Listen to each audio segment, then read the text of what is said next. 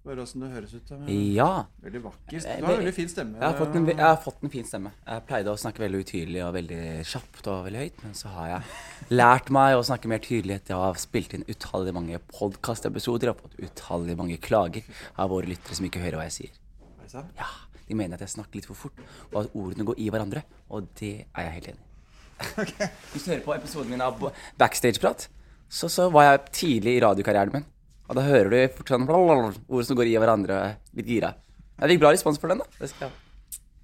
Men, men da hadde du jo, da hadde du jo uh, slått nevene i en buss fordi du var supersjåføren. Så ja. Du var kanskje litt gira generelt. Jeg var veldig gira, og så var det en kul lag på scenen. Og så skjedde det han, han fyren som gikk rundt og sjikanerte meg på mitt eget språk. Ja. Så det, det, det, det var en, ja, en begivenhetsrik Er det riktig? Nei? Ja. Dag. en interessant dag. En interessant dag. Men uh, bare sånn uh, Jeg spør alle om de kan bare først si navnet sitt, Ja. og så historien. Sånn at det uh, blir sånn Og på Mønster mest det. i giggen? Hæ? Ja, ja, ja. Ok. Jeg heter uh, Jonis uh, Josef, og min mest shitty gig er også kanskje en av mine mest givende gigs, hvis jeg kan si det sånn. Det var uh, når jeg skulle gjøre en firmajobb for aller, aller første gang. Eh, Kanskje sånn de fleste historiene begynner. Men jeg skulle gjøre en firmajobb for første gang, og fikk betalt hele 1000 kroner for å gjøre firmajobben. Dritmye spenn. Og skulle gjøre jobben for Nav på Grünerløkka, som hadde spesifikt booket meg etter å ha sett meg på Josefines. Og de hadde ikke mer enn 1000 kroner. ass. De hadde ikke mer enn 1000 kroner, men det var Nav, så jeg, jeg tilla Stramt budsjett, de fant det billigste de fant, og de fikk valuta for pengene sine, fordi jeg jobbet i finans på en tid der. Så jeg tok pause fra jobben, for jeg var på dagtid, for å reise ned til Nav på Grünerløkka for å gjøre den jobben, da. Og så dukker jeg opp i, i dress, og så får jeg høre av hun arrangøren at liksom, dette er dritbra. At liksom, eh, folk har gledet seg. Det har vært liksom, seriøs stemning. Snakket om 22. juli hele dagen. Så det betyr at liksom, noen kom og fikset stemninga. Og så er det greit. Og så er det et rom hvor det er plass til ca. 300 folk. Men så sitter det 12 folk spredt i det rommet her. Som allerede er tegn på at dette her går til helvete. Og så kommer den tides utfordring. Jeg tror ingen komikere kan skryte på seg det her. Fordi det jeg får vite, er at dette her er et arrangement for folk som har handikap. Så det var blinde, døve og stumme minoriteter som var på Nav. Så det var tolv stykker, hvor noen av de er døve, noen av de er stumme, og noen er blinde. Men alle er dårlig norsk. Og jeg Det, dette høres vanskelig ut. det høres veldig vanskelig ut, men jeg var gira. Jeg skrev på 1000 spenn. Så jeg kommer på scenen, og så har jeg en dame ved siden av meg som er en døvetolk. Som står ved siden av meg og kaster sånne gang signs på scenen mens jeg vitser for harde livet. Og det som var så gøy, var at eh, folk lo. De klappa. Jeg fikk skikkelig god respons. Eller de eh, stumme lo ikke så høyt, men smilte. Og så var det sånn at de som på en måte var døve, de lo enda høyere. Fordi jeg tror hun som var sånn Som oversatte da på tegnespråk Jeg tror hun var mye bedre enn meg til å levere vitsene mine. For hun drepte det helt. De døve bare digga det, liksom.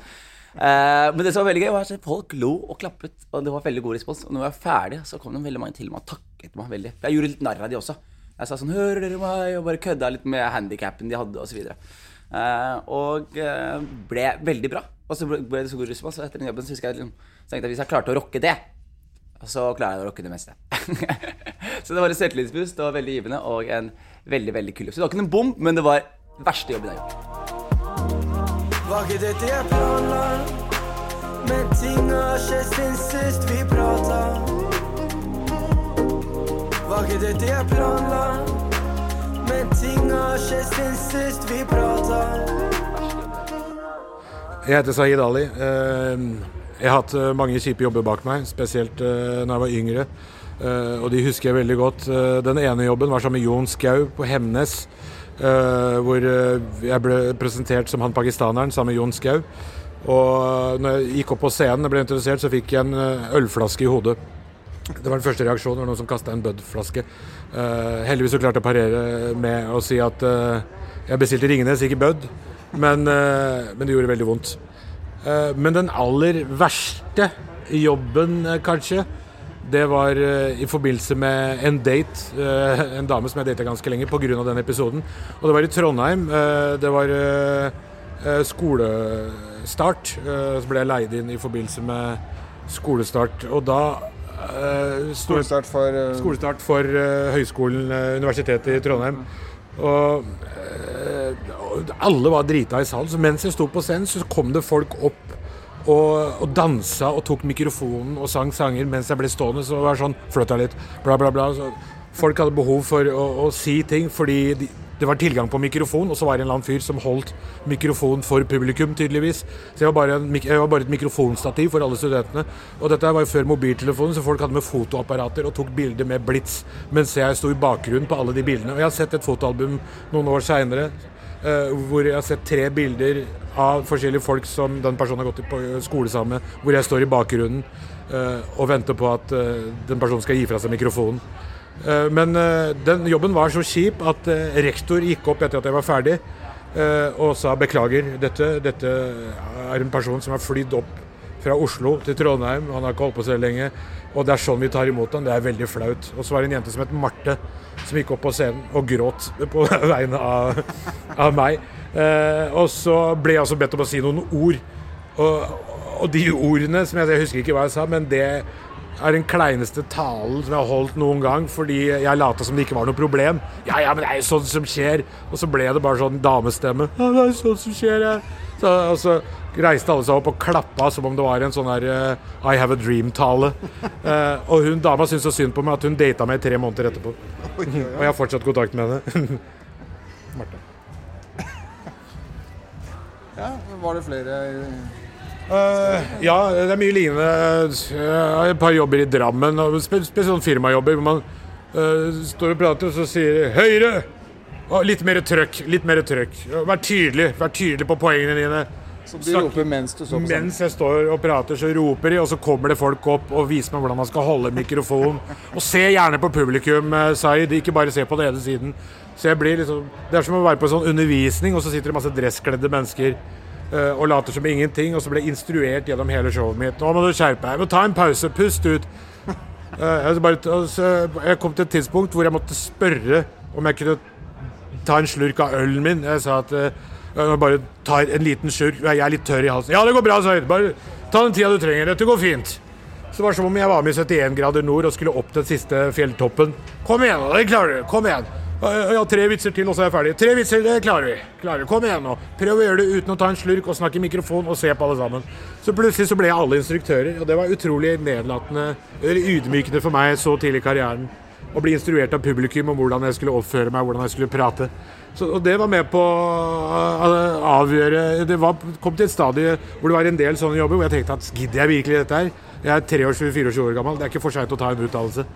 Eh, Men så fortsatte jeg likevel, da, en eller annen eh, idiotisk grunn. Og så dabba disse reaksjonene av etter hvert, heldigvis. Men eh, som 40-åring, hvis jeg hadde fått sånne typer reaksjoner som jeg fikk i 20 år, så hadde jeg slutta på dagen. For det klarer jeg ikke lenger. Men når hadde du den siste ordentlig kjipe jobben? da? Den siste kjipe jobben, det er mange år siden. Hvis det er kjipe jobber nå, så er det mest fordi lyd er feil, eller det er noe gærent med teknikken. Nå var det en kamerat av meg som viste meg en tekstmelding som det sto Rødberg på. Rødbergdagene. Eh, det var i et telt borte på Rødberg. Det var kanskje en klein jobb, fordi det var Når, når var dette her? dette, dette, var, dette var i fjor. Det var eh, 300-400 mennesker i salen, og alle var drita. Når jeg skulle på, så ga de helt faen. Jeg tror ikke de var klar over at jeg sto der engang. Så jeg begynte med tekst, og etter fem-ti minutter så bare snakka jeg om været. Ja, fint vær. Og For jeg måtte stå tida ut, for det sto i kontrakten at det skulle stå i 20 minutter. Men ingen fulgte med. Og så fikk jeg Så etter hvert så begynte jeg å be applaus. Jeg begynte å be publikum å klappe og gjøre sånn type ting. Og den, når de klappa mest, og var mest glad, var når jeg sa takk for meg. Da var det kjempestemning. Fordi eh, jeg var i veien. Jeg følte meg som en sånn jazzmusiker eh, som står og spiller litt sånn taffelmusikk i bakgrunnen mens de prater. Så nei, det var, det var kleint, men ikke på langt nær så kleint som de gamle jobbene som jeg hadde. Nå kom jeg på en jobb vi to gjorde på Bømlo. Husker du det, eller? Eh, Jeg husker studentene på Bømlo, men eh, Ja, jeg tror det var på et hotell. Og da sto det også noe i kontrakten om at du skulle stå så og så lenge. Og da gjorde du det bare for å gjennomføre. Fordi det var ingen som hørte etter.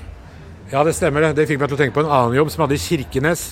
Uh, Kirkenes-turneen min er kanskje den verste Kirkenes-turneen, altså rundt. Ja, eller, eller Finnmark-turneen, faktisk. Det som hadde skjedd, var at uh, Jeg var i et musikkbyrå før hvor jeg bare dro på steder hvor trubadurer hadde vært. Sånne bitte små bruskassescener. Altså et management som jobba med musikk hovedsakelig, Også, ja, det, ja, det var et uh, management som kun hadde musikere. Uh, og aldri hadde noen standup-opplevelse før, men de antok at det var mikrofon. Det var det eneste jeg trengte. Og hvis det var lite folk, så trengte jeg ikke det heller. Uh, så da ordna de en Toyota Hiace og en lydtekniker, så vi kjørte fra Oslo opp til Finnmark. Og kjørte rundt i en måned eller to fra sted til sted og opptrådte for nesten ingenting. Men det ble en liten sum til slutt, da. Men den siste jobben vi hadde da, var i Kirkenes. Da hadde vi tatt hele Finnmark. Og så sto jeg ikke ut tida. Jeg sto 25 minutter, jeg skulle stå 35. Så da gikk konferansieren, eller ikke konferansieren, eieren opp på scenen når jeg var ferdig og sa Beklager dette, men eh, ja, det ble jo litt amputert, det her. Så dere får halvparten av billettene tilbake igjen. Eh, Da foreslår jeg to køer. Eh, Ut der. Siri, kan du komme ut? Ja. Og så fikk alle halvparten av pengene tilbake igjen. Og jeg hadde en kjempekrangel med han om at de bryr seg jo ikke. De er jo fornøyd med showet. De vet jo ikke om jeg skal holde på i 20 minutter eller 25 minutter. eller 25 minutter. Men han var sånn Nei, det er prinsippsak. Sånn er det. Eh, og, og han trua med å ikke betale meg penger. Og, men det verste med den jobben var etter den turneen så hadde jeg fått en sum med penger eh, som var mine. Eh, og vi skulle bare kjøre tilbake inn til Oslo. Da kjørte vi via Finland. For der er det ikke så svingete veier som det er i Norge. Så klarte jeg å krasje uh, Hiacen min inn i en reinsdyrflokk. Eh, og totalsmadra bilen og det lydanlegget til 40 000 kroner. Så alt jeg tjente på den turneen, gikk til å nedbetale bilen.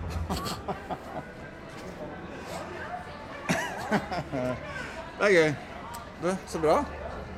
Masse historier. Ja. Men de verste jobbene, som kanskje var de mest fysisk anstrengende, var danskebåtenjobber på slutten av 90-tallet. Det husker jeg jeg reiste rundt aleine og, var ikke vant til båt eller båtliv i det hele tatt. Så jeg var jo sjøsyk de første to-tre årene jeg holdt på med sånne båtjobber.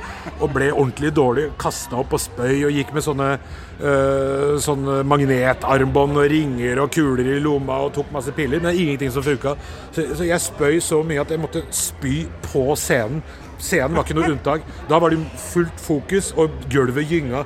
Så jeg hadde bøtte på scenen alle gangene og kasta opp tre-fire ganger under showet. Og publikum trodde det var en del av min greie, men den derre kjipe følelsen som du har før du skal på, som forsvinner når du står på scenen, den var under hele forestillingen.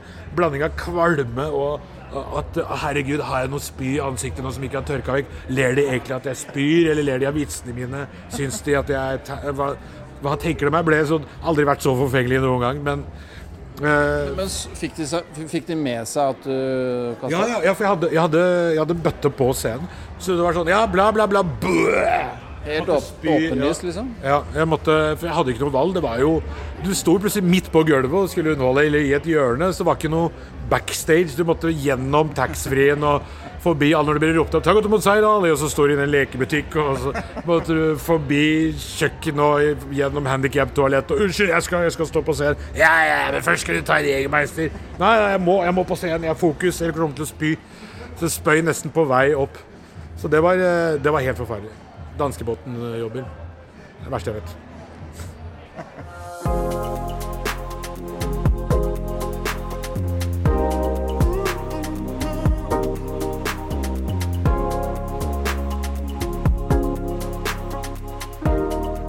Well, my name's Dex Carrington, and I, uh, I guess you could say I'm one of many people who's driven a tank high on cocaine in Budapest.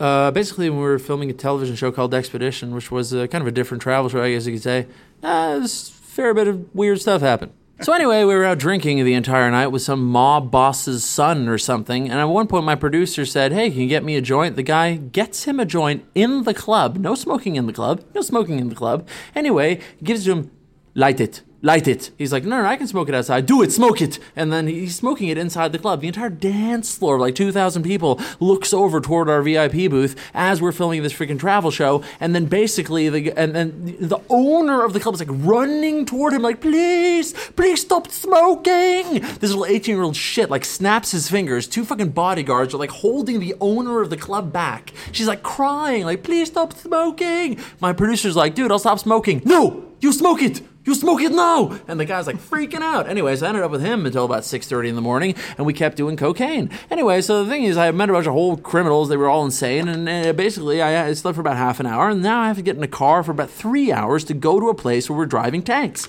Anyways, I get out of this. I'm so hungover. I'm like dying on the inside. I get in there. I have to put on like tank driving gear, whatever the fuck that is, and go into this bathroom like I want to kill myself. Like I hate life so much. As I'm putting on this thing, half a gram of cocaine dumps out on the bathroom floor. I put the entire half gram on the toilet seat, and this being Budapest, this was pure 94, probably 95% cocaine because I started bleeding pretty heavily once I snorted it up my nose. But I blasted half a gram of cocaine and then drove tanks for fucking two, three hours and almost killed the guy I was uh, co hosting a show with. But uh, you know, then again, uh, these things happen, uh, and uh, you know, it's just like the time I was in Ibiza, and uh, you know, me and a friend of mine were way too drunk, and uh, we're standing there grabbing each other's balls, both wearing speedos, and then suddenly I decided to put him on top of my back because that'd be funny, but he was too drunk and he fell back and he broke his neck. So now there's two ambulances, there are four cop cars, they're arresting me. The guy's like, "Uh, no, no, it's okay, right. he's my friend, it's, oh, it's okay. I have to watch this guy like die slowly, so I hate my life, and I go to the freaking doctor, and I, I think I got like 600 Valium by doctor shopping that day. That took away some of the pain, but definitely not all of it. I love comedy.